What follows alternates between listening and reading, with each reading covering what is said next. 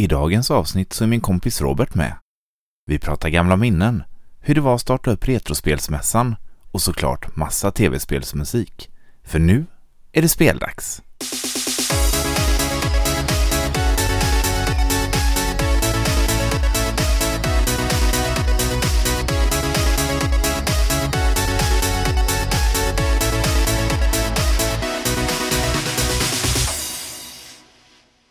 Hallå där och välkomna till ett nytt avsnitt av Speldags. Idag pratar vi med min kompis Robert och vi ska diskutera lite spelmusik. Eh, välkommen till avsnittet Robert. Tack så mycket Andreas. Vi kan ju börja lite med, eller du kan ju börja lite med att berätta vem, vem du är och ja, lite om dig själv och ditt tv-spelsliv. Jajamän. Eh, jag eh, heter Robert Krese och är uppvuxen i Mjölby i Östergötland. Eh, började redan som 5-6-åring att bli väldigt intresserad av spel. Jag var på besök hos min 10 år äldre kusin som var en riktig datanörd. Han visade lite av sin datasetup på den tiden som var en Texas Instruments. Och jag fick prova att spela lite enklare spel. Eh, och jag minns redan första gången jag fick hålla i en joystick som man använde på den tiden. Eh, man kunde styra figurerna på skärmen. Liksom. Eh, hur man liksom fastnade för det här med tv-spel. Mm. Jag ville ju självklart ha en egen dator och fick faktiskt det av min pappa och det blev ju en likadan som min kusin hade. Såklart. ja, precis. Det var enklast för han kunde ju ingenting om datorer på den tiden och så. Utan han tog väl hjälp av min kusin. Och jag fick lite tips och jag satte med min dator och det, det, som var smidigt med den här datorn var att den hade typ som spelkassetter som en NES har. Eh, så man kunde ju byta spel. Jag hade ju ja, fem, sex olika spel mm. som jag varierade med. med. Man kunde dock även koppla en bandspelare som man gör med Commodore 64. Eh, så jag kunde ladda in lite andra spel också. Mm. Eh, och spelen var ibland gjorda i Basic så jag lärde mig lite om programmering eh, redan då. Hur gammal var du då? Ja, jag var väl mellan, eh, kanske var, började när jag var 7-8 år och sen upp till 10 år eller någonting. Jag är 46 år nu så att eh, jag har hållit på en ganska lång stund med det här med tv-spel och spel och grejer. Datorer. 40 goa år då? ja, faktiskt. Eh, 40-årsjubileum i år kan man väl nog säga. Faktiskt. Ja, precis. Men egentligen, den riktiga sanna spelglädjen om man ska säga så. Det blev väl först när Nessen kom. Jag minns eh, kompisarna började prata om att nu har det släppts ett tv-spel. Vi begav oss ner till en eh, spelbutik där de eh, hade som man fick provspela. Och jag kommer ihåg att jag fick spela Super Mario första gången. Jag fattade ingenting. Vad handlar det här om liksom? Det var helt uppbyggt på andra sätt. De gamla spelen var ju en skärm liksom om man sprang och skulle hämta en grej och gå till mål typ. Just det. Och det här intresset växte ju mer och mer och kompisarna runt omkring gillade samma sak. Så vi spelade tv-spel, var ute och lekte mycket och byggde kojor i skogen och varvade det här intresset med massa andra äventyr i verkliga livet. Då. Ja, jag minns ju det här, alltså nidbilden av en tv-spels, ett, ett, barn som spelar tv-spel är ju lite att man sitter på sitt rum och är ensam och, mm. och spelar och sådär. Men, men när vi var små då var det ju ett sätt att, ett ytterligare sätt att umgås, att man spelade tillsammans och det behövde inte vara två playerspel eller sådär utan det kunde ju vara en playerspel där man körde varannat liv eller eh, varannan bana, vad, vad som kom först och så. Så att det var ju som, som, du sa ett, ett annat sätt eller ett ytterligare sätt att umgås liksom. Ja, det är ganska häftigt hur det här intresset kan göra så att man får ja, riktiga vänner så att säga också. Det, mm.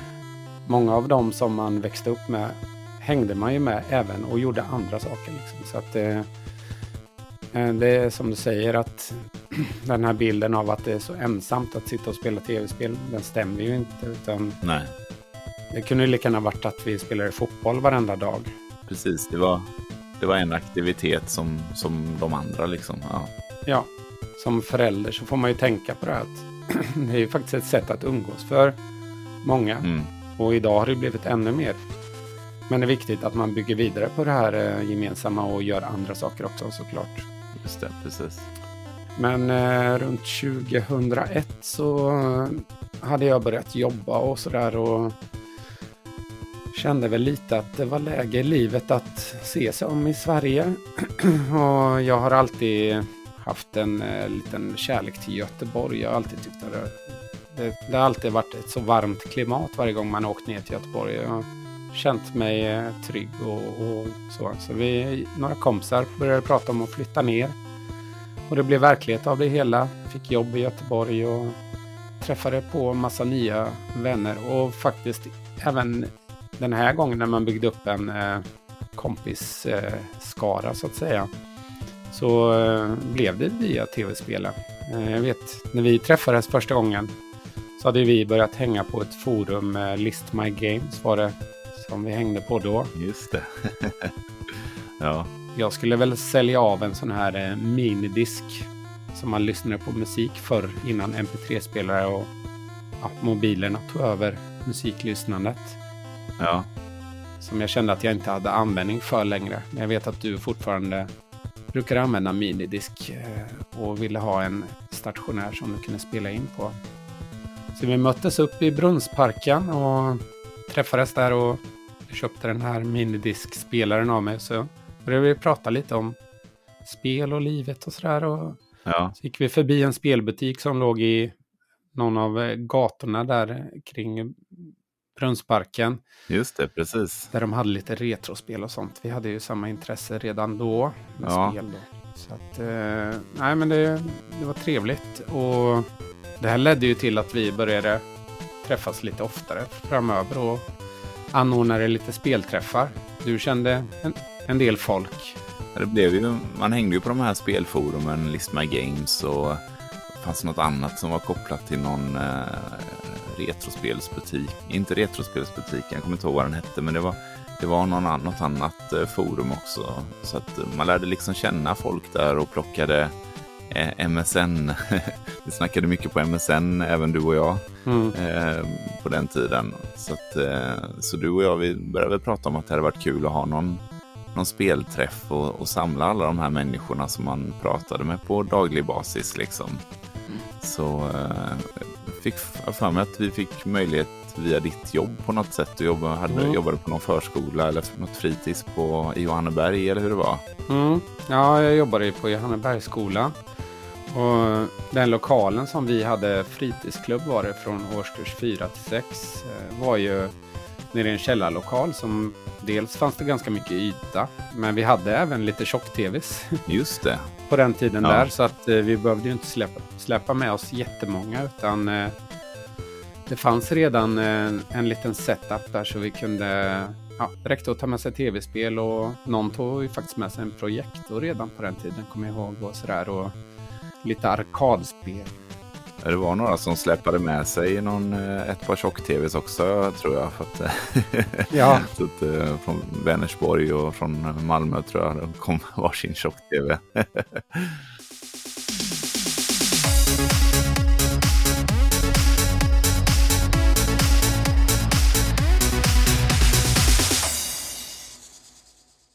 Och det, det gav ju verkligen blodad tand att träffa folk liksom med, med eh, samma intresse. Eh, och man lär känna varandra väldigt snabbt måste jag ändå säga. Det är så lätt när man har ett gemensamt intresse. Ja, dels det och sen blir det så intensivt när man umgås på det sättet en, en hel helg liksom. Och vi sov ju över där och, och eh, ja, vi umgicks ju dygnet runt där i ett par dagar liksom. Eh, så man kommer ju verkligen varandra in på skinnet liksom. jo, men så är det. Det gav ju liksom en, en eh, kompiskrets.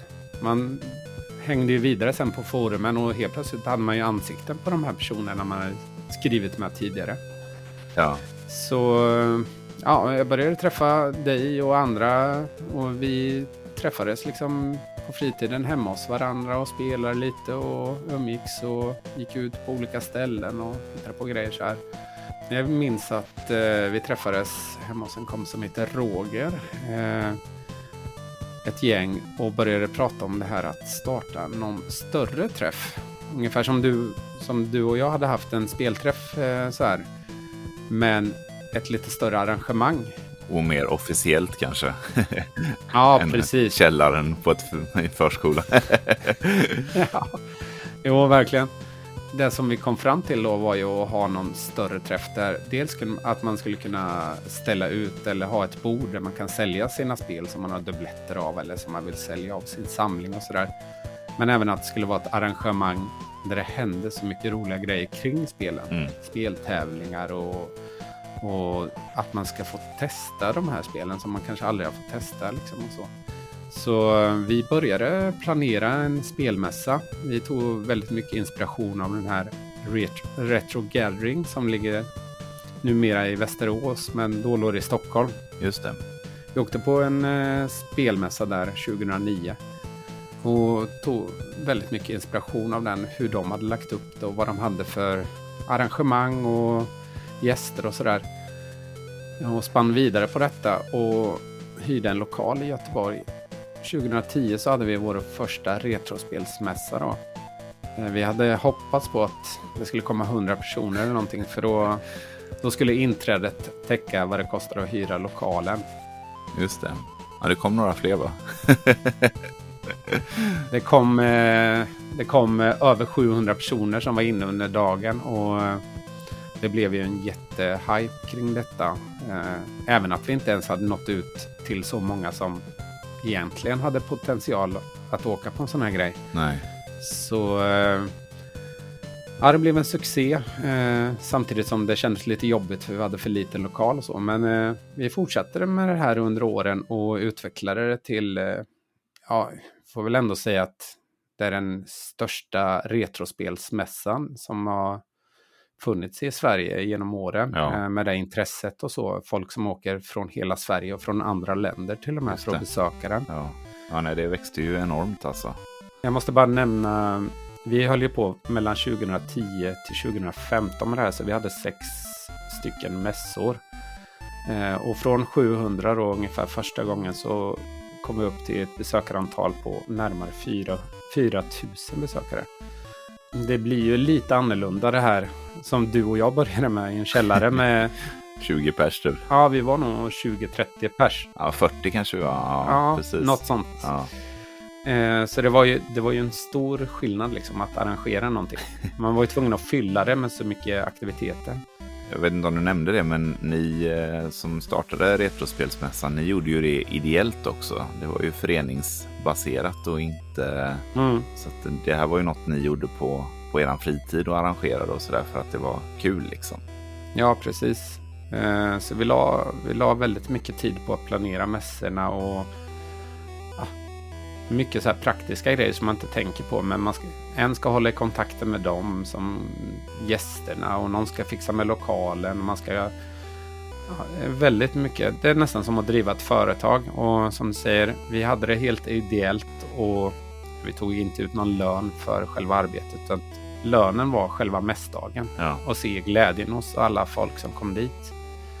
Under åren då så växte det ifrån att ha varit en liten eh, ska man kalla det, en liten loppmarknad med speltävlingar och eh, demospel liksom, som man fick testa till att bli ett, en eh, fullfjädrad mässa. Ett event. Ja, ett event, ett stort event. Ja. Minns speciellt året 2014, det var ju den näst sista mässan vi hade. Då hade vi späckat schema. Vi hade Charles Martinet som var där. Just det, rösten till Super Mario.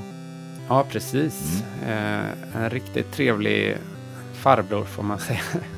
Eh, som verkligen bjöd på sig själv. Både, både som eh, rösten, för han gick runt och pratade som Mario med folk på mässan. Han satt och skrev autografer. Men han hängde även med oss som arrangerade mässan lite. Vi satt och käkade frukost med honom dagen Jaha, efter. Han mysigt.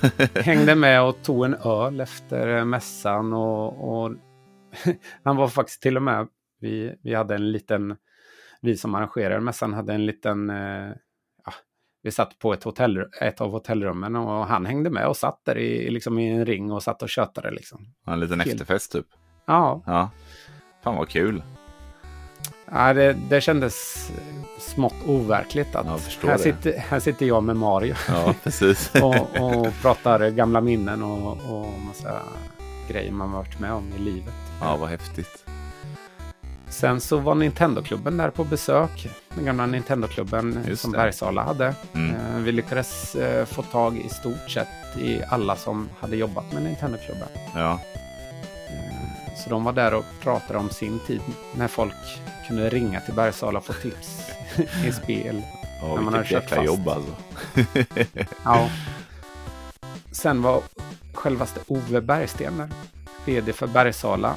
Eh, Jag tror inte han är det just nu, han har väl gått i pension och så, men eh, han var ju den som faktiskt tog in Nintendo till Sverige. Utan honom hade det inte blivit så stort som, Mm. som verkligen blev i Sverige.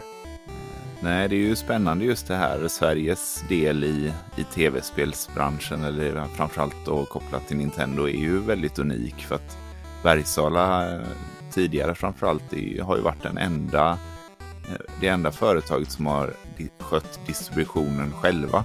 I resten av världen så är det ju Nintendo som, som sköter det eh, i alla länder och sådär och, och har hand om reklammaterial och, och eh, vilka spel som ska släppas och så vidare. Men här i Sverige så överlämnades ju det till, till Ove och Bergsala. Så att vi har ju haft ett unikt samarbete, eller vi, men de har ju haft ett unikt samarbete med Nintendo och eh, på många sätt så fortsätter ju det än idag, även om det inte är lika ehm, ja, lika tajt eller lika mycket eller hur man nu vill uttrycka det. Liksom. Men eh, framförallt då på 80 och 90-talet så var det ju superstort och bidrog mycket till den spelkultur som lever kvar, framförallt hos oss lite äldre Mm. än idag. Liksom. Ja, och de var ju väldigt smarta med det här med Nintendo-klubben, att, för det band ju samman. Precis. Man pratade med kompisar, är du med i Nintendo-klubben? Ja. Ja, så fick man ett, eh, ett kort och så här. Ja, precis. Det hade man ju i plånboken eh, Ja. och var stolt över. Liksom. Eh, nej, det var, de var riktigt duktiga på att marknadsföra. Mm, Eh, det förstod man ju inte då på den tiden, utan man tänkte ju att de var ju bara snälla. Liksom. Exakt. Men det var ju såklart en, en eh, affärsidé att eh, ja, nå ut till de som hade intresset. Och, och det var ju både en god gärning, men även smart rent affärsmässigt. precis.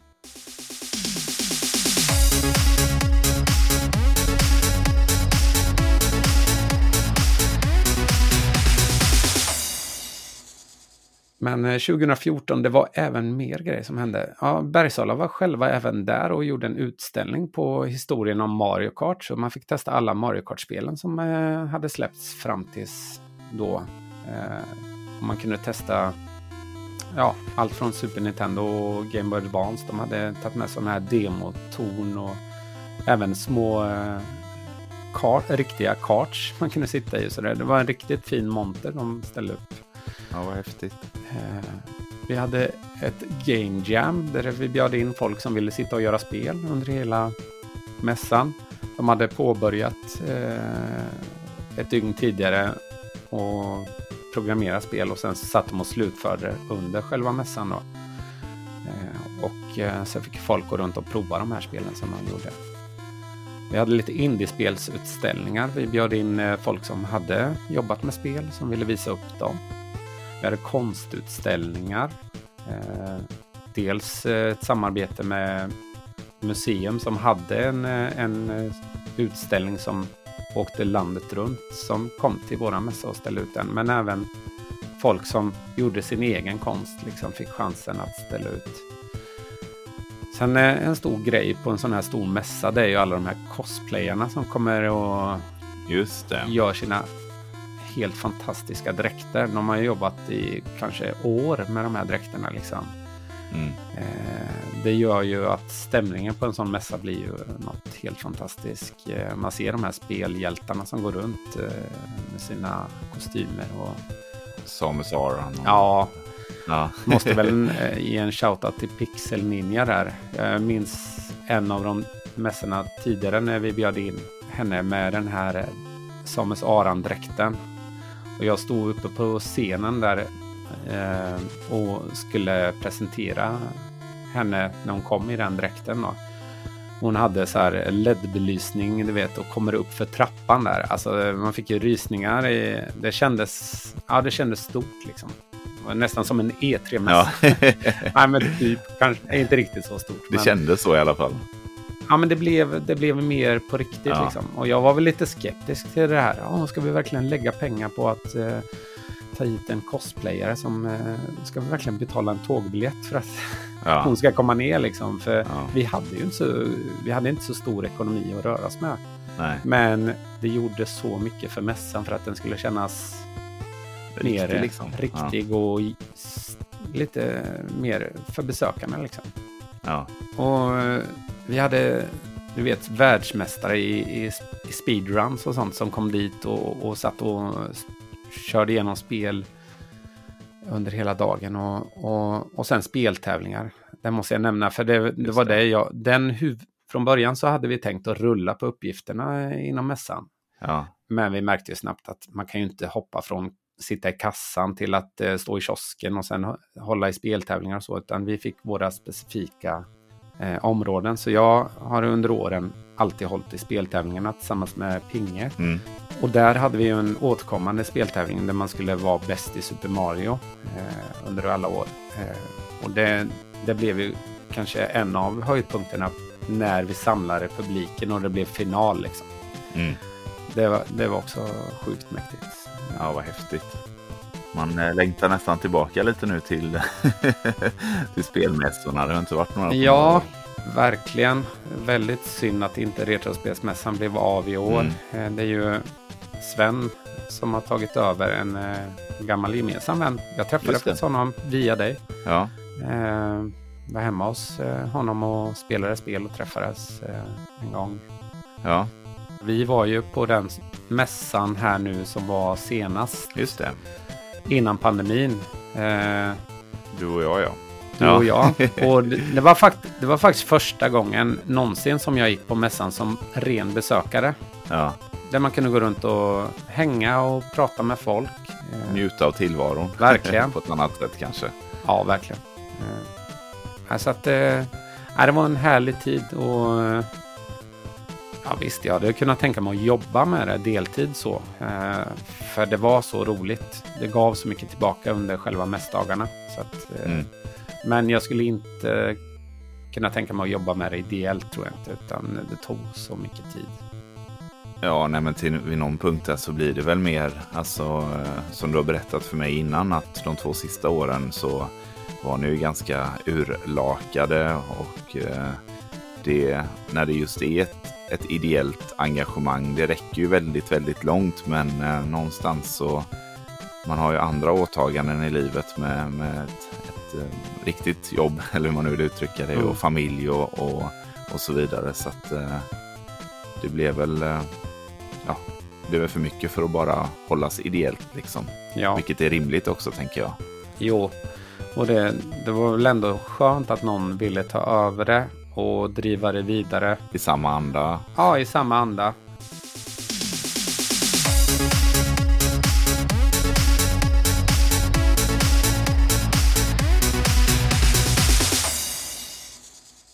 Sen har man ju förståelse. Det, det blir ju en helt annan sak att driva det som ett företag. Då, då, då behöver man ju förändra vissa delar. Och man man är inte... Vi var ju ett team på 11 personer när vi var som mest. Just det. Som fokuserar på de olika delarna.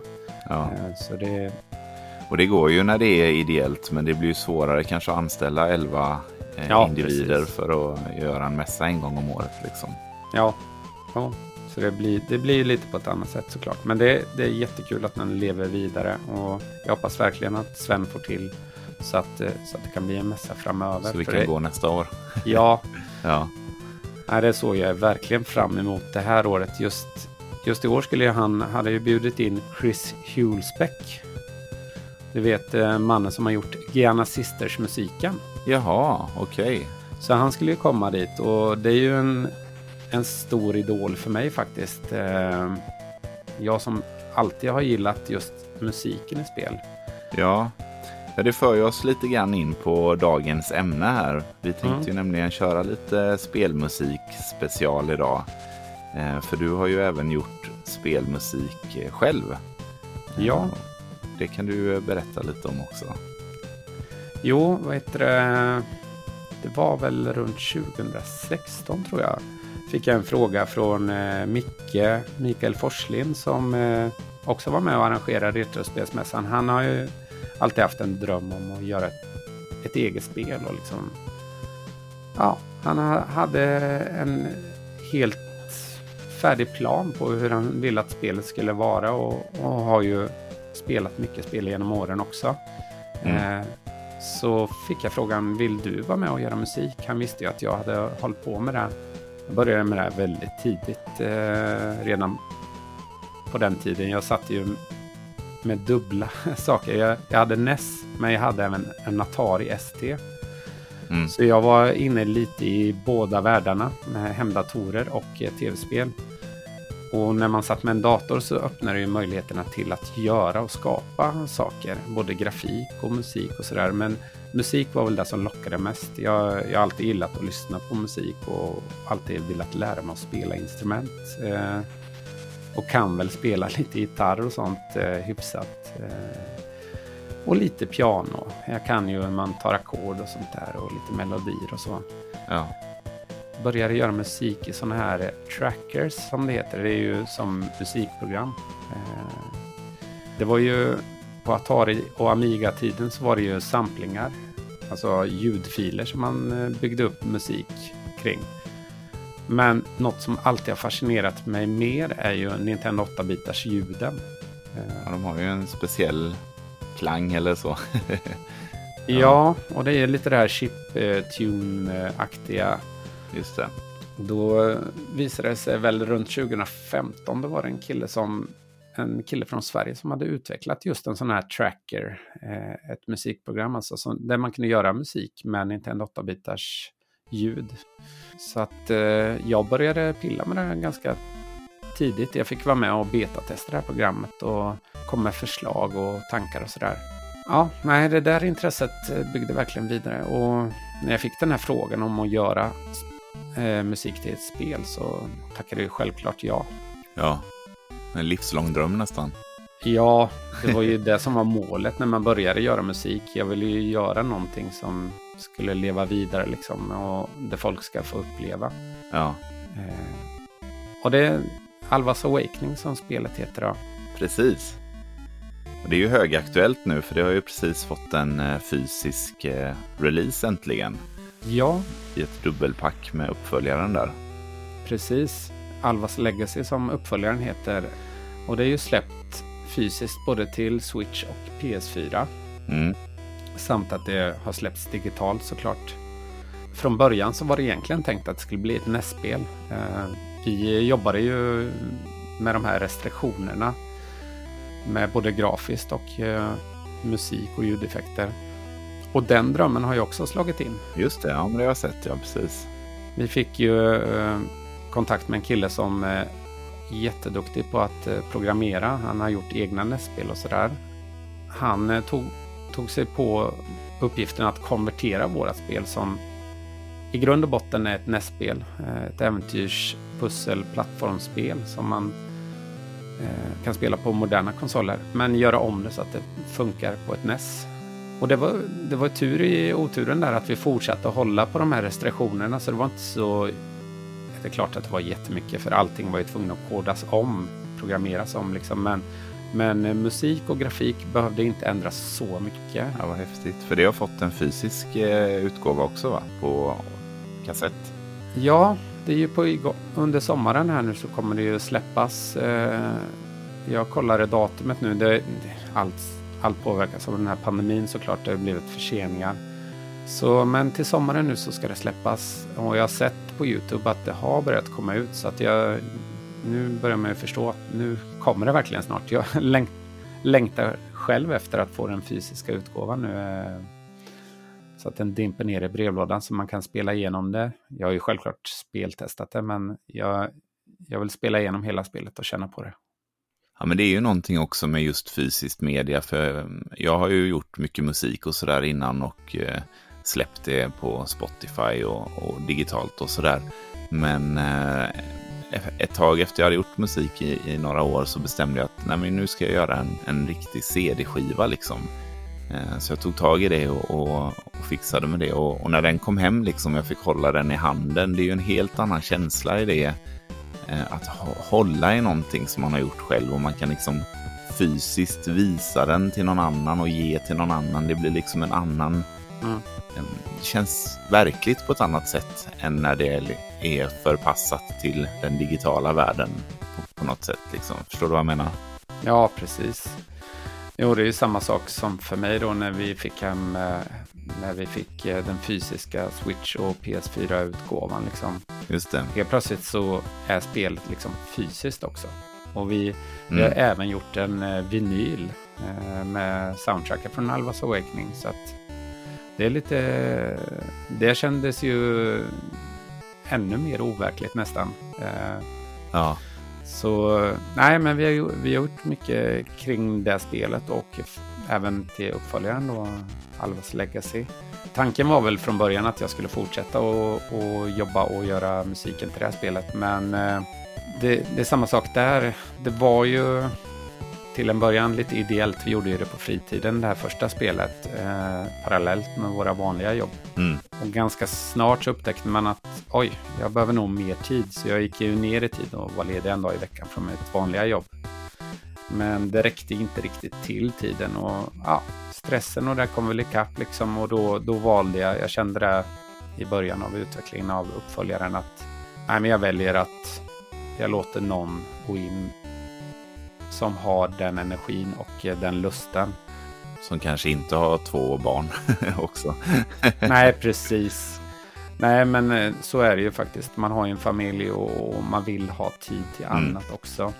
Eh, det är väl en fin balans det där, intressen och eh, familj och alltså allting ska ju funka tillsammans. Ja. Så, så det, det soundtracket eh, är gjort av en annan eh, kompositör till uppföljaren. Eh, men följer samma anda med NES-ljuden. Just det. Jag kan ju bara tillägga att den musiken som vi spelar i bakgrunden här medan vi pratar, all den är från eh, eh, Roberts eh, Alvas Awakening. Mm. Och då finns ju att lyssna på på YouTube och ja, lite överallt. Ja, men musik eh, överlag och musik till spel har ju varit ett av mina stora intressen genom åren. Och det handlar ju både om att lyckas få till härliga melodier och liksom så, men även det här vet, det behovet man har av att förstå hur det fungerar och hänger ihop. Eh, hur lyckas man göra sån här musik med de här begränsade förutsättningarna?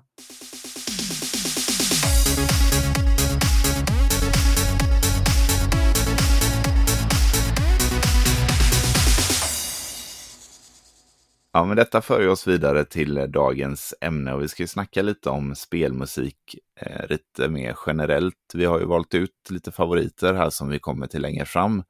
Men eh, vad tycker du, vad gör ett spelsoundtrack riktigt bra och vad, vad gör ett spelsoundtrack riktigt dåligt?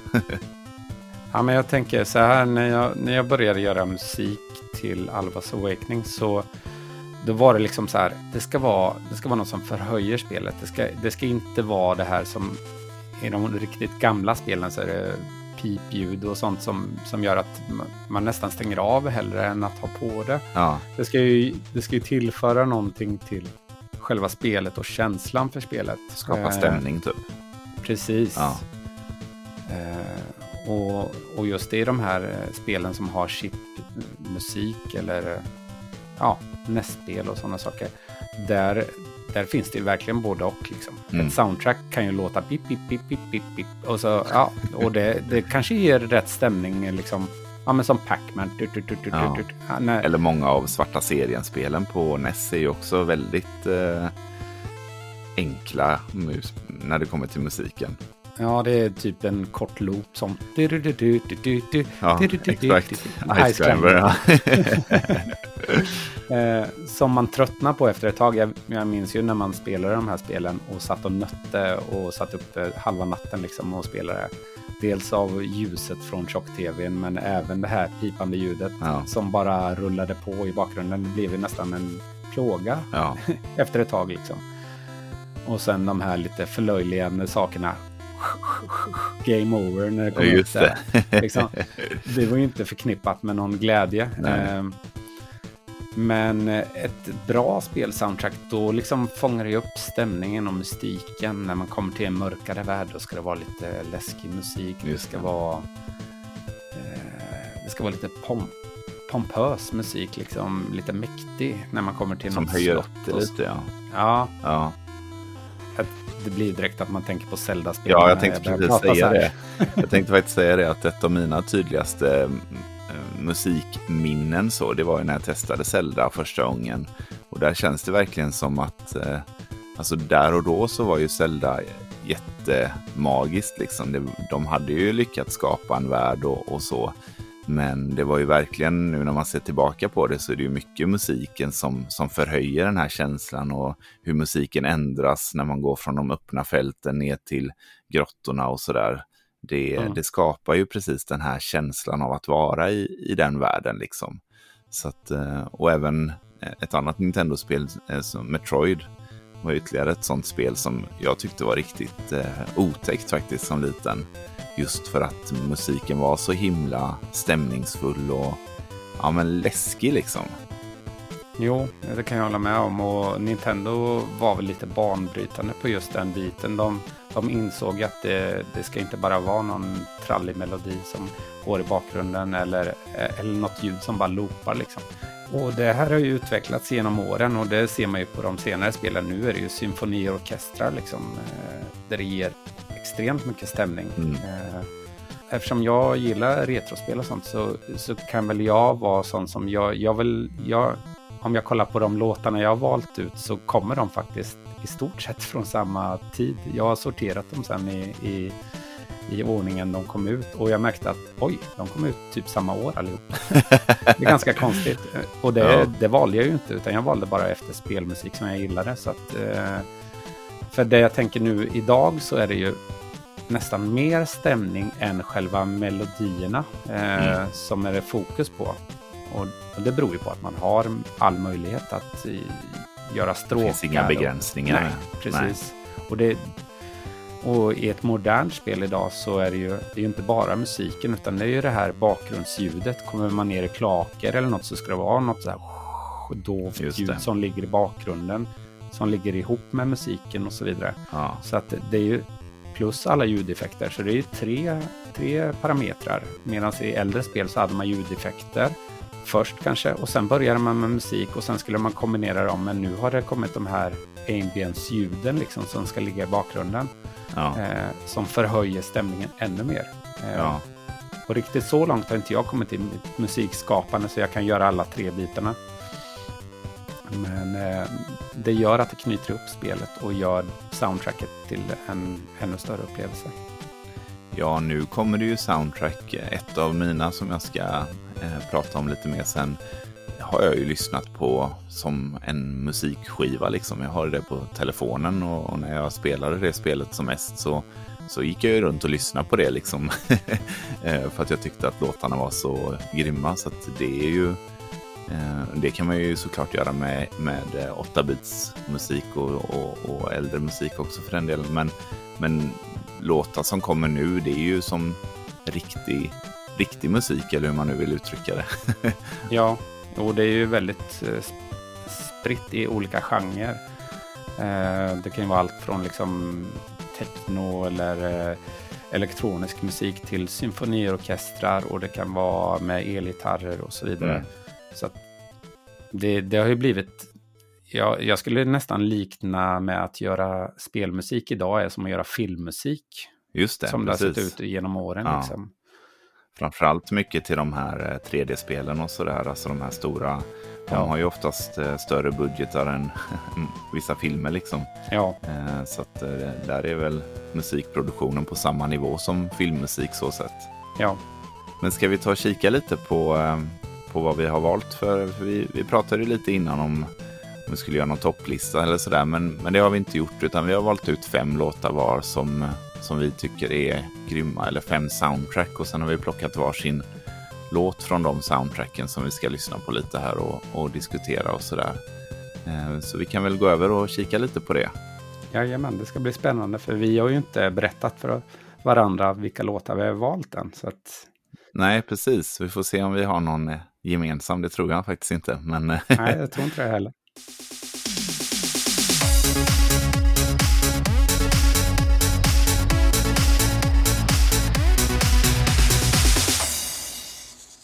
Vill du börja med din första eller? Jo, men det kan jag göra. Och lite som jag sa innan, jag, det har ju faktiskt, jag har ju valt eh, musik. Det var, var svårt det var att välja, måste jag ju säga först. Ja, jättesvårt. Först trodde jag eh, att, för först när vi skrev eller pratade om detta så tänkte vi, ja men vi kan ju ha tio var. Mm. Och sen så, dels tänkte jag att det skulle ta för lång tid, men sen så tyckte jag att det var lite så svårt att välja ut tio stycken. Mm. Men sen när jag väl skulle välja fem så insåg jag ju att ja, men nu har jag ju valt tio här. så jag fick, fick gå in och rensa ut lite. Ja, men jag börjar med min första här då. Ja. Så kan vi lyssna och så... Här kommer den.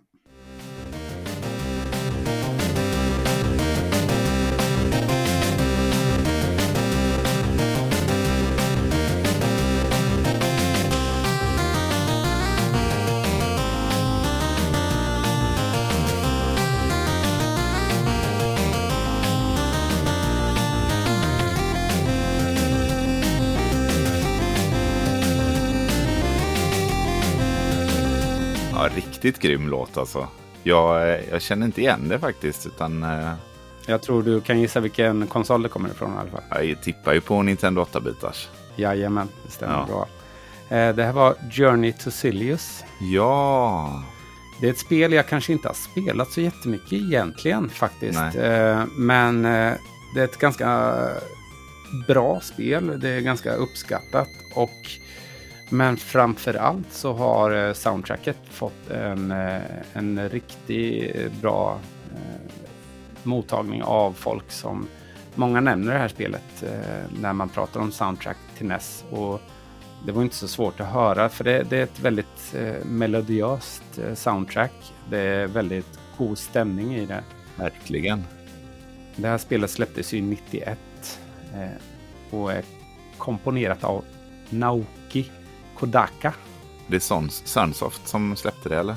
Ja, precis. Eh, och det, det, ska jag säga lite om Sunsoft. För de, de använder en speciell teknik eh, som, in, som jag inte tror att några andra använde. Framförallt var det i alla fall Sunsoft som använde det här och de använder den här kanalen i, på Nessen att de använder samplingar till basen. Aha. Så de har ju med riktiga bassamplingar.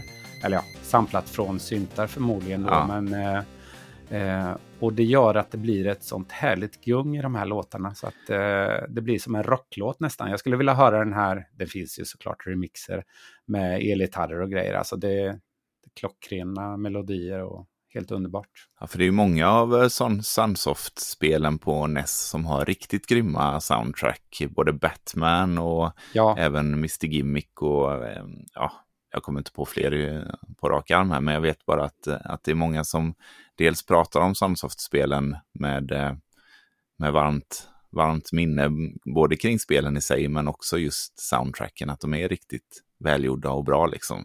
Jo, det stämmer.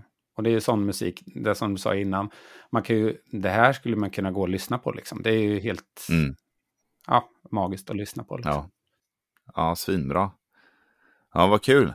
Eh, vi går över till mitt första spår i, eh, på min lista här. Och eh, ja, det har en lite modernare touch kanske, men eh, får se vad du tycker.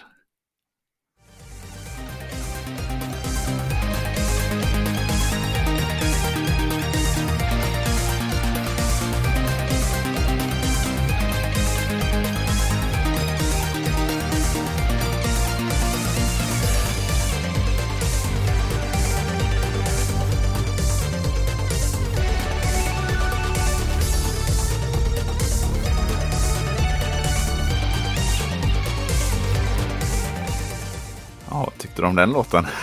ja, men den var, den var riktigt bra. Eh, det var melodier och det var, ja, det var ett medryckande soundtrack. dock kan jag inte placera det. Jag, jag har förmodligen inte spelat spelet. Vad skulle du gissa på att det är för genre? Om du fick gissa på det istället för... Fick du någon feeling till vad det skulle kunna vara för genre? Det skulle kunna vara ett actionspel, plattformsspel, men det skulle även kunna vara ett pusselspel faktiskt. Ja, det är faktiskt ett race-spel. Ett arkad ah. Horizon Chase Turbo är detta. Eh, och det här är ju precis eh, det soundtracket som jag nämnde tidigare. Det här gick jag och lyssnade på. Jag blev helt beroende av det här spelet så jag, jag har tagit allting i detta. Varenda poäng och varenda första plats och sådär. Så jag spelade detta varje dag i eh, flera veckor när det kom. Eh, och det är riktigt, eh, ska man säga, arkad outrun-känsla i det. Eh, supersnygg grafik och eh, som ni hörde riktigt, riktigt grym musik. Eh, så att, eh, ja, jag tycker det här är ett av de fallen där musiken gifter sig så himla väl med spelet och ger den här extra adrenalinpushen att ta sig igenom spelet och, och sen att spela om banorna gör ju liksom ingenting när musiken är så grym heller. Så det är också ett, eh, ett ja, en upplyftande grej som, som får en att vilja spela om banorna istället för att tycka att ja, kör jag det här en gång till liksom. Vad är det till för format? Jag tror det finns till allt. Jag tror att det här började som ett mobilspel faktiskt. Mm. Eh, eller typ ett iPad-spel. Men eh, nu finns det, jag har ju det på Switch, men eh, jag tror att det finns på typ alla moderna konsoler, Playstation ja. 4 och, och, så vidare. Kul, det måste jag testa. Ja, det kan jag verkligen rekommendera. Det är riktigt bra, men eh, och soundtracket är grymt som sagt. Så att, eh, det här är en av mina favoritbitar som jag spelade upp, men mm. det var svårt att välja för det var många många som var bra. ja. Ska vi gå vidare till min andra låt? Mm. Eller mitt andra soundtrack rättare sagt. Här kommer den.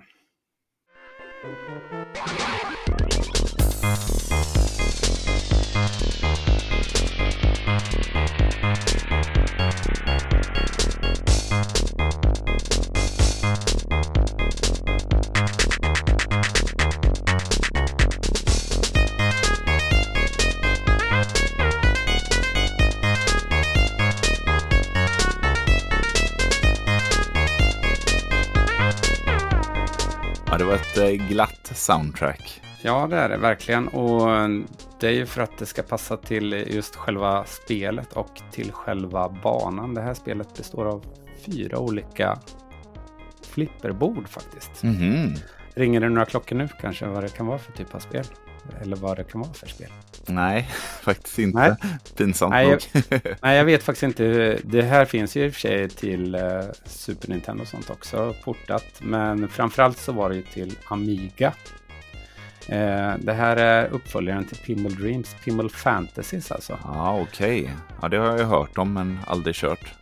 Nej, jag, och jag var väldigt insnöad på just flipperspel. När det här kom till Amiga så var jag snudd på att byta från Atari till Amiga. Liksom. Så, så bra tyckte jag både spelet och eh, musiken var. Ja. Och Olof Gustafsson, eh, faktiskt en göteborgare, eh, som har komponerat det här, har ju lyckats att skapa en sån, eh, lite som du sa att det var ett muntert soundtrack. Eh, ja. Det här, just själva banan heter Partyland och eh, är en av de roligare flipperbanorna i den här serien som de släppte då till Amiga. Så den är baserad på typ ett nöjesfält liksom. Och det, det låter ju verkligen... Det låter lite Liseberg. Synd att de inte döpte banan till Liseberg faktiskt. det hade varit ja, kul. precis. Ja, det kapslar ju verkligen in den känslan av eh, ja, nöjesfält. Ja. Jag hade lite svårt att välja om jag skulle ta den låten eller min andra favoritbana från Pinball Fantasy som är Stones and Bones. Som ja. är lite mer skräcktema. Där eh, är det ju så här lite mystiskt, äh, läskig musik helt enkelt. Och ljudeffekterna och allting är baserat på samma tema liksom. Äh, det, jag måste verkligen berömma Olof för äh, de här mästerverken. Det är ju det klassiska låtar och spelet som sådant är helt fantastiskt. Gillar man flipper-simulatorer eh, så ska man ha spelat de här och gärna på Amiga. Jag spelade dock mest på PC sen för att det släpptes ju även till PC då. Eh, och jag har, jag har ägt en Amiga en kort stund i mitt liv men eh, den blev rätt kortvarig eftersom jag mest höll på med Atari. Så. Men äh, ett riktigt bra soundtrack som verkligen kapslar in känslan från spelet. Ja, det är ju någonting också. Jag märkte det när jag valde mina låtar att mm, det var lättare att välja lite, vad ska man säga, mörka låtar eller lite mer så här stämningsfulla på det lite, inte obehagliga, men mörka och dystra viset liksom. För det, det, det påverkar ju en väldigt starkt i spel när det är någonting som är lite dystert eller, eller sådär. Men att just välja lite gladare eh, låtar är ju... Eh, nu fick jag till några glada låtar också, men eh, eh, jag vet inte, när jag tänker på spelmusik så dras jag nästan till, till de här lite mer dystra eh, tonerna, liksom, snarare än de här glada som du visar upp nu. Ja. Och detta för ju oss då till mitt andra som faktiskt är ett lite mer av ett dystert soundtrack, men eh, helt magiskt. Eh, så att eh, här kommer mitt andra, min andra låt.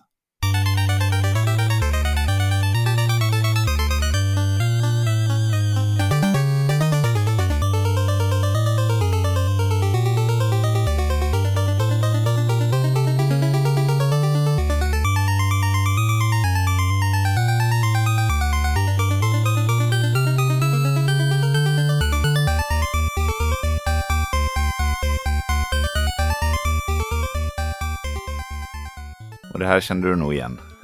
Ja, jag skulle tippa på Castlevania. Eh, Ja. Är det trean eller? Jajamän. Ja, jag misstänkte att det var det. Jag vet ju att det är ett av dina favoritspel. ja, det är det ju verkligen. Och Castlevania-spelen är ju helt fantastiska. Konami-musikerna, ja. Helt, Ja, helt otroliga. Ja. Det är en klass för sig nästan. Och eh, alla Castlevania-spel har ju grym musik. Men eh, trean är ju som jag nämnt många gånger tidigare i podden här väldigt speciellt för mig. Och jag tycker ju på något sätt att musiken är, är den bästa just i trean. Och det här var ju Clockwork Tower eh, och andra banan i spelet. Och jag fattar liksom inte hur man, hur gör man sån här musik med de begränsningar som fanns då, att man liksom lyckas och komponera det här som blir så himla stämningsfullt och eh, rent objektivt grym, grym låt liksom. Så att, eh, nej, det är, jag får nästan lite rysningar när jag lyssnar på de här låtarna för att det, det är så mycket stämning och mycket minnen också för den delen i, i de här låtarna liksom. Sen i och med att spelen i sig är rätt svåra så har man ju, har man ju hört låtarna några gånger också. Eh, Ja, det kan jag förstå. Jag har spelat det lite grann. Det är ett jättebra, alltså Castlevania som serie är ju jättebra Ja. spelserie som måste upplevas liksom. Det är lite kul med just Castlevania 3 också, för där fanns ju, jag tror du har bättre koll på det här än vad jag har, men i Japan på Famicom hade man inte liksom ytterligare en ljudkanal på något sätt. Ja, de hade faktiskt tre ljudkanaler till. Eh, VRC6 heter det, ett litet extra chip som satt på de kassetterna i den japanska utgåvan. Då. Eh, vilket såklart har gett... Jag har ju ägt den japanska versionen för att få den fullständiga musiken om man nu vill säga så. Eh, där, eh, ja, det är ju helt magiskt. Jag vet, jag la ju upp eh, i början när vi började umgås och sådär så var jag väldigt så här, dök ner i det här och jag har lagt upp YouTube-klipp där jag jämför den japanska och den eh, europeiska versionen. Och det är, eftersom jag la upp det ganska tidigt i YouTube-historien så att säga, så har det väldigt många visningar, mina klipp där, där man jämför dem. Så det kan man Jaha. kolla in faktiskt. Eh, Ja, nej, för det, det är faktiskt skillnad. Det vi lyssnade på nu det är ju eh, NES-versionen då, men eh, Famicom-versionen den är djupare eller hur man nu ska Mm. uttrycka det. Liksom. Det, det blir en till, en till dimension i det på något sätt. Så, så det är lite häftigt faktiskt med, med just den lite sidoinformation där.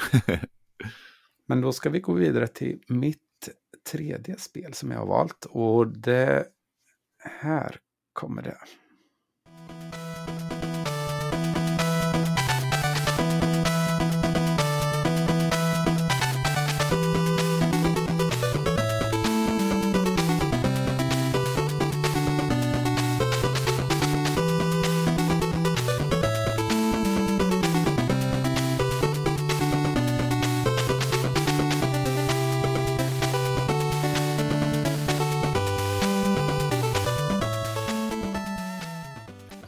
Också riktigt, riktigt bra alltså. Men äh, återigen, jag, jag känner inte riktigt, jag får liksom kanske några vibbar, men jag känner inte igen det kan jag inte påstå. Nej, det här det kan... känns ju väldigt nässigt. Ja, det stämmer bra där. Det är ett NES-soundtrack och jag försökte ju att inte bara välja NES-soundtrack. Det, det, är lätt att man halkar in på det här spåret för uh, det har gjorts väldigt bra musik och det här är från spelet Shatterhand. Kom mm. 92. Uh, uh, Jaleko var det som gav ut det.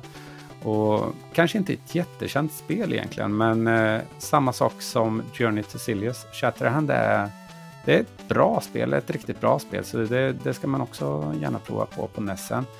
Och framförallt då musiken som är, den är tuff och eh, rockig, om ja. man ska säga, uttrycka sig så. Eh, det här skulle ju passa perfekt med elgitarrer och ett band liksom som står och rockar loss till det här.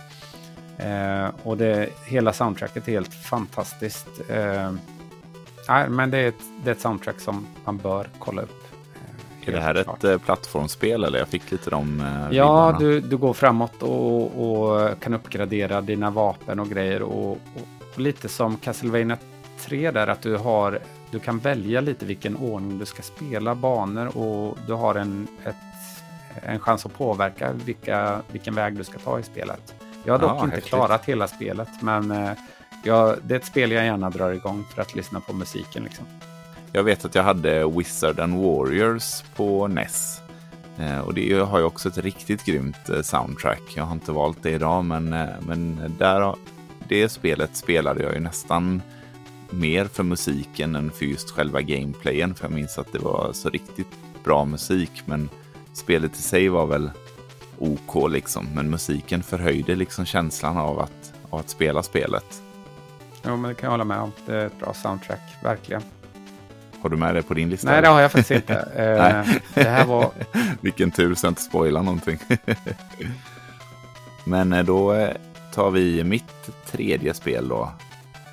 Eh, och det här, det är svårt att välja tycker jag utan att ta något som är jätteklassiskt eller liksom igenkänningsbart och så. Men den här kände jag att jag ville ha med. Dels för att det är en glad trudelutt, men också för att det är ju min favoritspelserie. Så att eh, ja, här kommer den.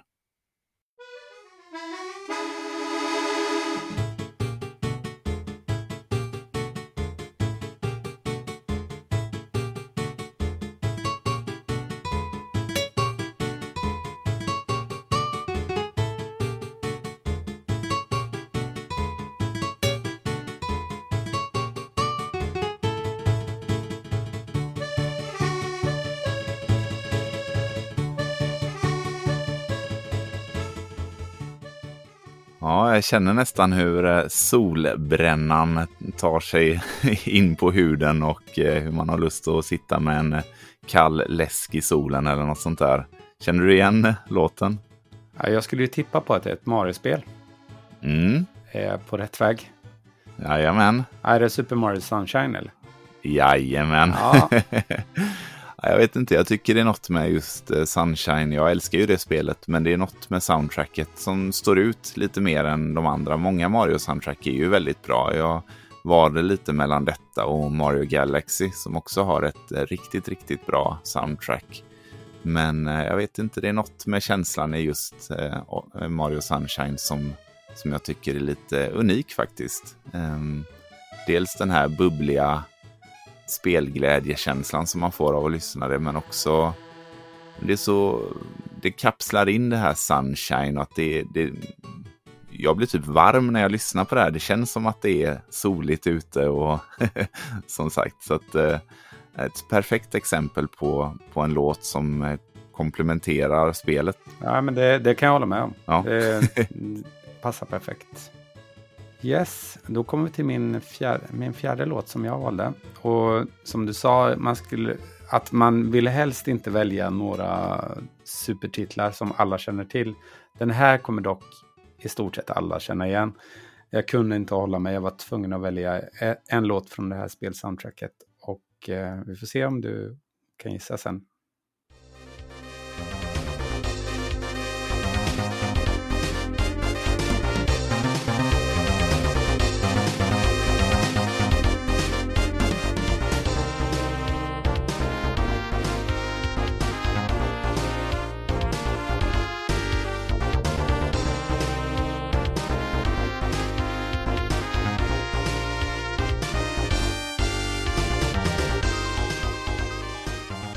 så jäkla grymt alltså. Fan vilken nostalgi jag fick.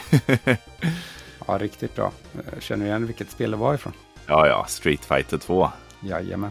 Någon av utgåvorna. Precis, ja det var Super ja. Nintendo-versionen just här.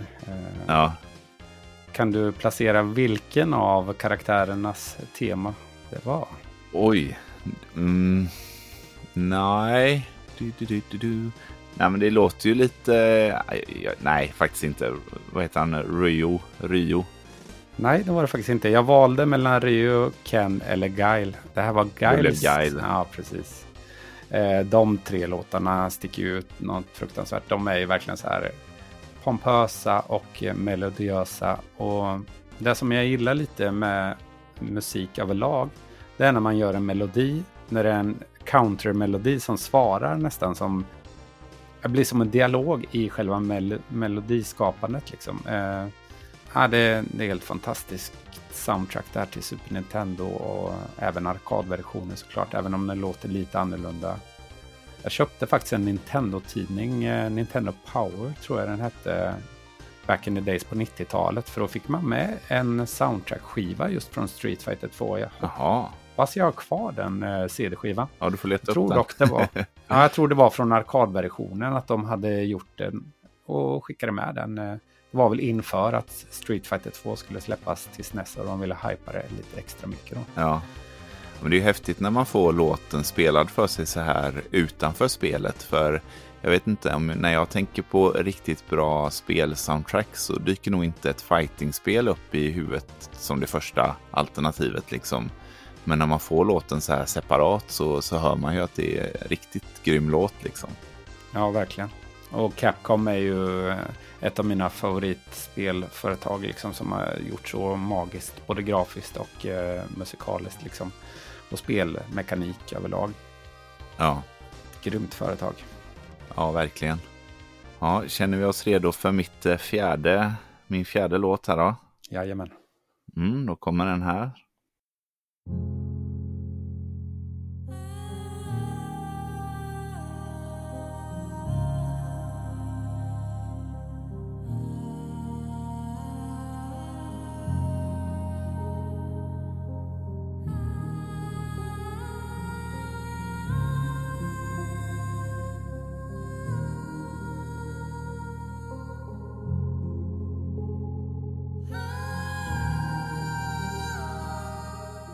Oj, ja, det var väldigt stämningsfullt och vackert. Men jag har ingen aning om vilket spel det kan vara ifrån faktiskt.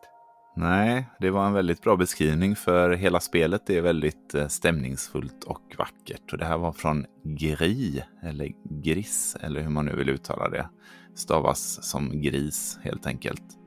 Eh, och det här är ju ett spel som är en upplevelse snarare än ett traditionellt spel på det sättet. Man, eh, man tar sig igenom, det är ju lite plattformpusselspel så, men spelet går mer ut på att eh, känna och uppleva spelet med eh, utan dialog och utan texter och sådär så levererar det ändå en, en story som, som faktiskt är ganska gripande och eh, det var en magisk upplevelse att spela det här spelet och soundtracket förhöjde verkligen den känslan. Så eh, till alla er som inte har kört Gri eller Gris. Eh, gör det. ja, det, det är som jag sa tidigare. När man väl hör musiken så här så, så vill man få den känslan som, som du beskriver här. Eh, jag tror, och det, det är mycket så. Egentligen så spel idag är ju mer upplevelse. Det är ju inte som det var förr, liksom det här att man ska nöta och så, utan man vill ha en upplevelse. Man hinner liksom inte sitta och nöta spel idag som man gjorde när man var liten. Utan man vill ha en upplevelse och det ska inte vara, ska inte vara det här nötandet på samma sätt. Utan hellre en upplevelse. Typ som om man kollar på en film liksom. Ja men precis. Och jag kan ju verkligen uppskatta det, ja, men, som du också som är förälder, att, att få de här spelen som, som det här eh, Greedo eller Gris som inte är så långt. Jag tror det tar 5-6 timmar att klara och sådär. Och ja, man, man sitter och man, man myser med det här. Det, det, är ingen, det är ingen hets, det är ingen stress, utan man bara njuter av resan. Sen, jag gillar ju också fortfarande att nöta spel och spela stora JRPG och sånt där, men att slänga in ett sånt här spel någon gång ibland som man bara kan få följa med nästan är väldigt behagligt och eh, kan bli väldigt, en väldigt kraftig resa liksom på något sätt. Så att eh, ja, nej, detta är faktiskt ett av mina favoritspel som jag kört de senaste åren och eh, jag har spelat igenom det två gånger just för att det gav en sån himla härlig känsla att spela spelet. Då ska vi se. Nu kommer jag till mitt sista spel här. Och det här kommer du förmodligen känna igen. Vi får se. Ja, spännande.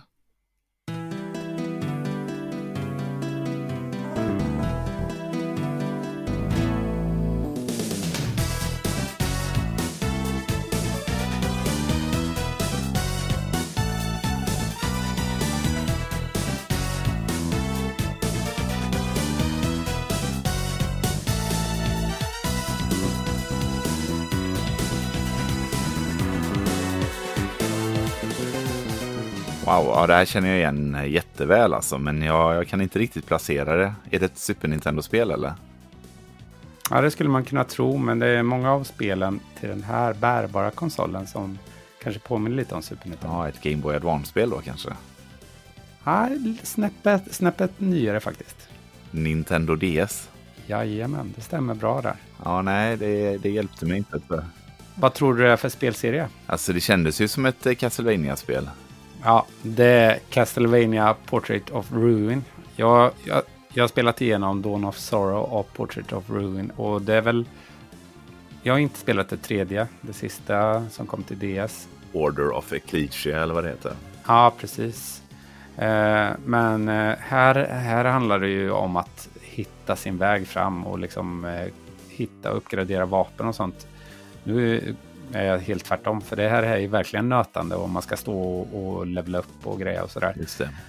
Ett Metroidvania. Ja, precis. Ett ja. Metroidvania och att man eh, springer runt och, och, man behöver inte tänka så mycket för det är inte jättesvårt liksom. Det är inte supersvåra bossar, speciellt inte om man har levlat upp innan. Men just det att hitta alla grejer och liksom klura ut saker. Jag gillar det där jättemycket. Och soundtracket som till alla castlevania spel Det är lite kul att vi valde varsitt. Ja. ja. Eh, det är alltid magisk musik och eh, jag gillar balansen i det liksom. Att det, det är både tuff men stämningsfull musik och... Ja, men precis. ja, det, det är mästerverk helt enkelt. Ja, de är väldigt duktiga på, på att ha den balansen där som du säger mellan actionfylld, fartfylld musik och lite lugnare, stämningsfull musik. Så att, eh, ja, Portrait of Ruin, jag har ju spelat det när det väl var nytt, men, eh, men jag har inte spelat om det sedan dess. Så det är ju ett tag sedan, vad det nu kan mm. vara, tio år sedan det släpptes eller något kanske. Ja, det är faktiskt så... längre sedan, 2007 kom det ut. Oj jäklar, tiden går tiden... fort. Ja, verkligen. men det här var ju, just i den tiden samlade jag mycket på spel och sådär. Och det var mer fokus på samlandet än spelandet. Men det här var ett av de spelen som jag verkligen fastnade för, som jag låg och nötte liksom. Mm. Spelade en halvtimme, timme på kvällarna eh, innan man skulle sova och sådär. Så att eh, ett av de spelen som jag har klarat av på senare tid, då, även om det var ett bra tag sedan nu. Då. Ja. Tiden går fort som sagt. Ja. Ja, men eh, är du redo för mitt sista spel då? Ja. Mm. Eh, då kommer det här.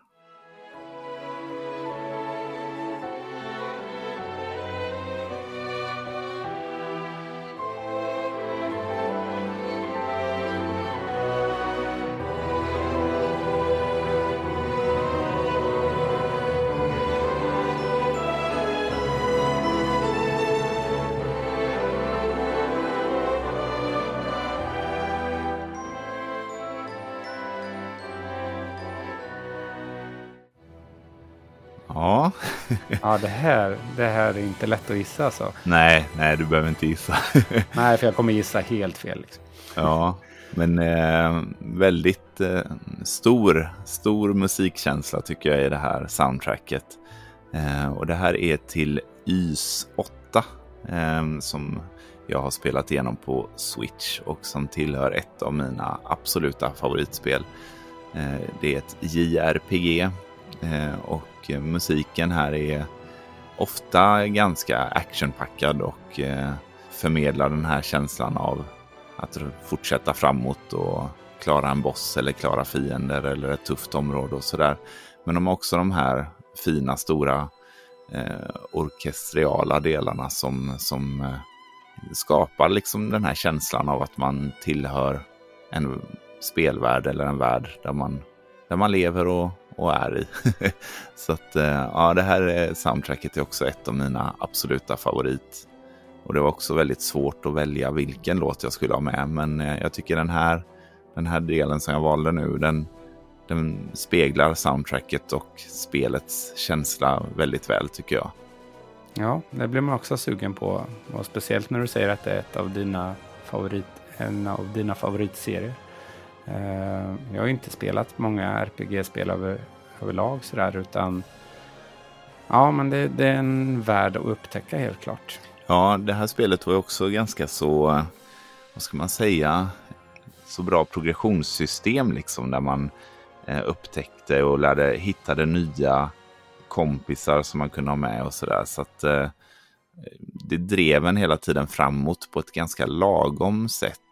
Eh, jag tyckte att man kunde göra progress ganska så med ganska korta tidsspann. För oftast när man spelar JRPG och sådär så kan man behöva nöta kanske två, tre timmar innan man tycker att det är vits att spara. Men här kunde man liksom göra lite mindre sidouppdrag och sånt där på ett lättare sätt tyckte jag. Så att, eh, det gjorde att det blev enklare för mig att ta mig igenom det och så. Men eh, ja, jättekul och jättebra spel med fin story och eh, återigen grymt soundtrack.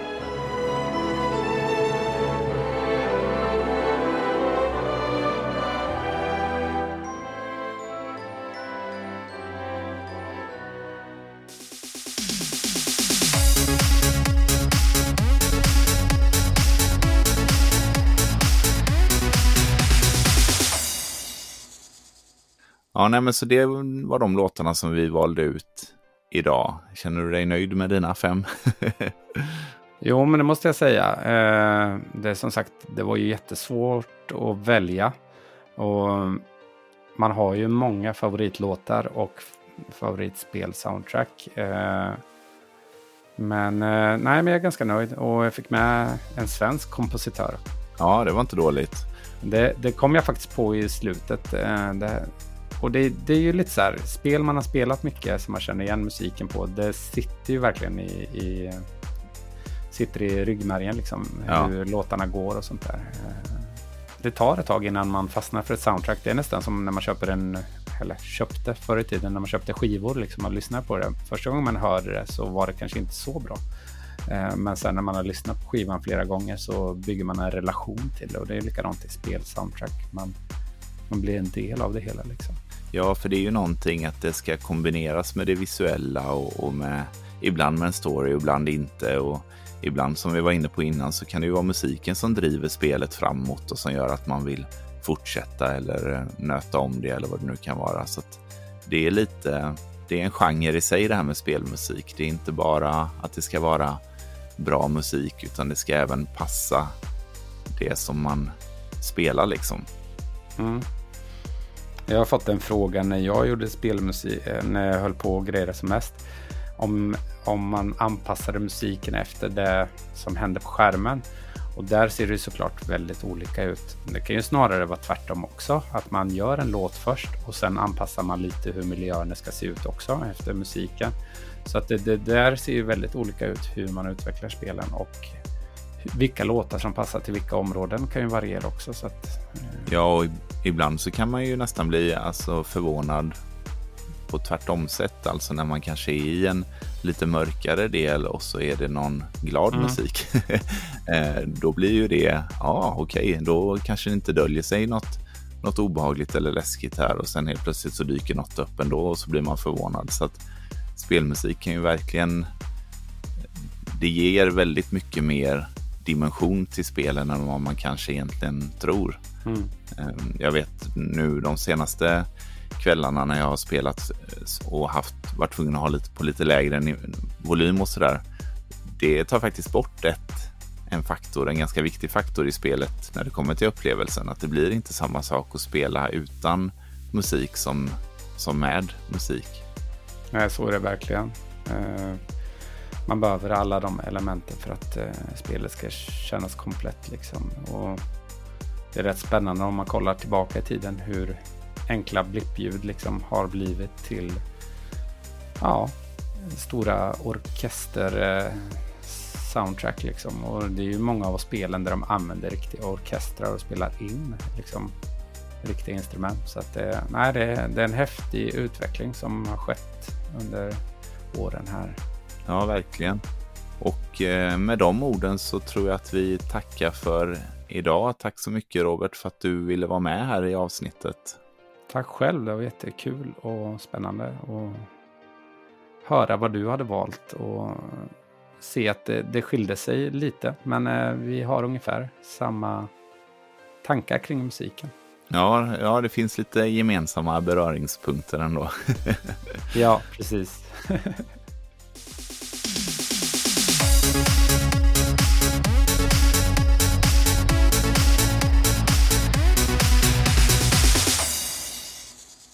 Tack för att ni har lyssnat. Vill ni stötta podden så lämna gärna ett omdöme i den app ni lyssnar på. Det hjälper mig att synas i de olika algoritmer som används. Jag har även ett Instagramkonto som kort och gott heter Speldags. Där får ni gärna följa mig om ni har möjlighet. Vill ni komma i kontakt med mig så är det enklast via Instagram, men det går även bra att mejla på speldagspodcast@gmail.com. Det är alltså speldagspodcast i ett ord gmail.com. Ha en härlig dag så hörs vi i nästa avsnitt. Hej!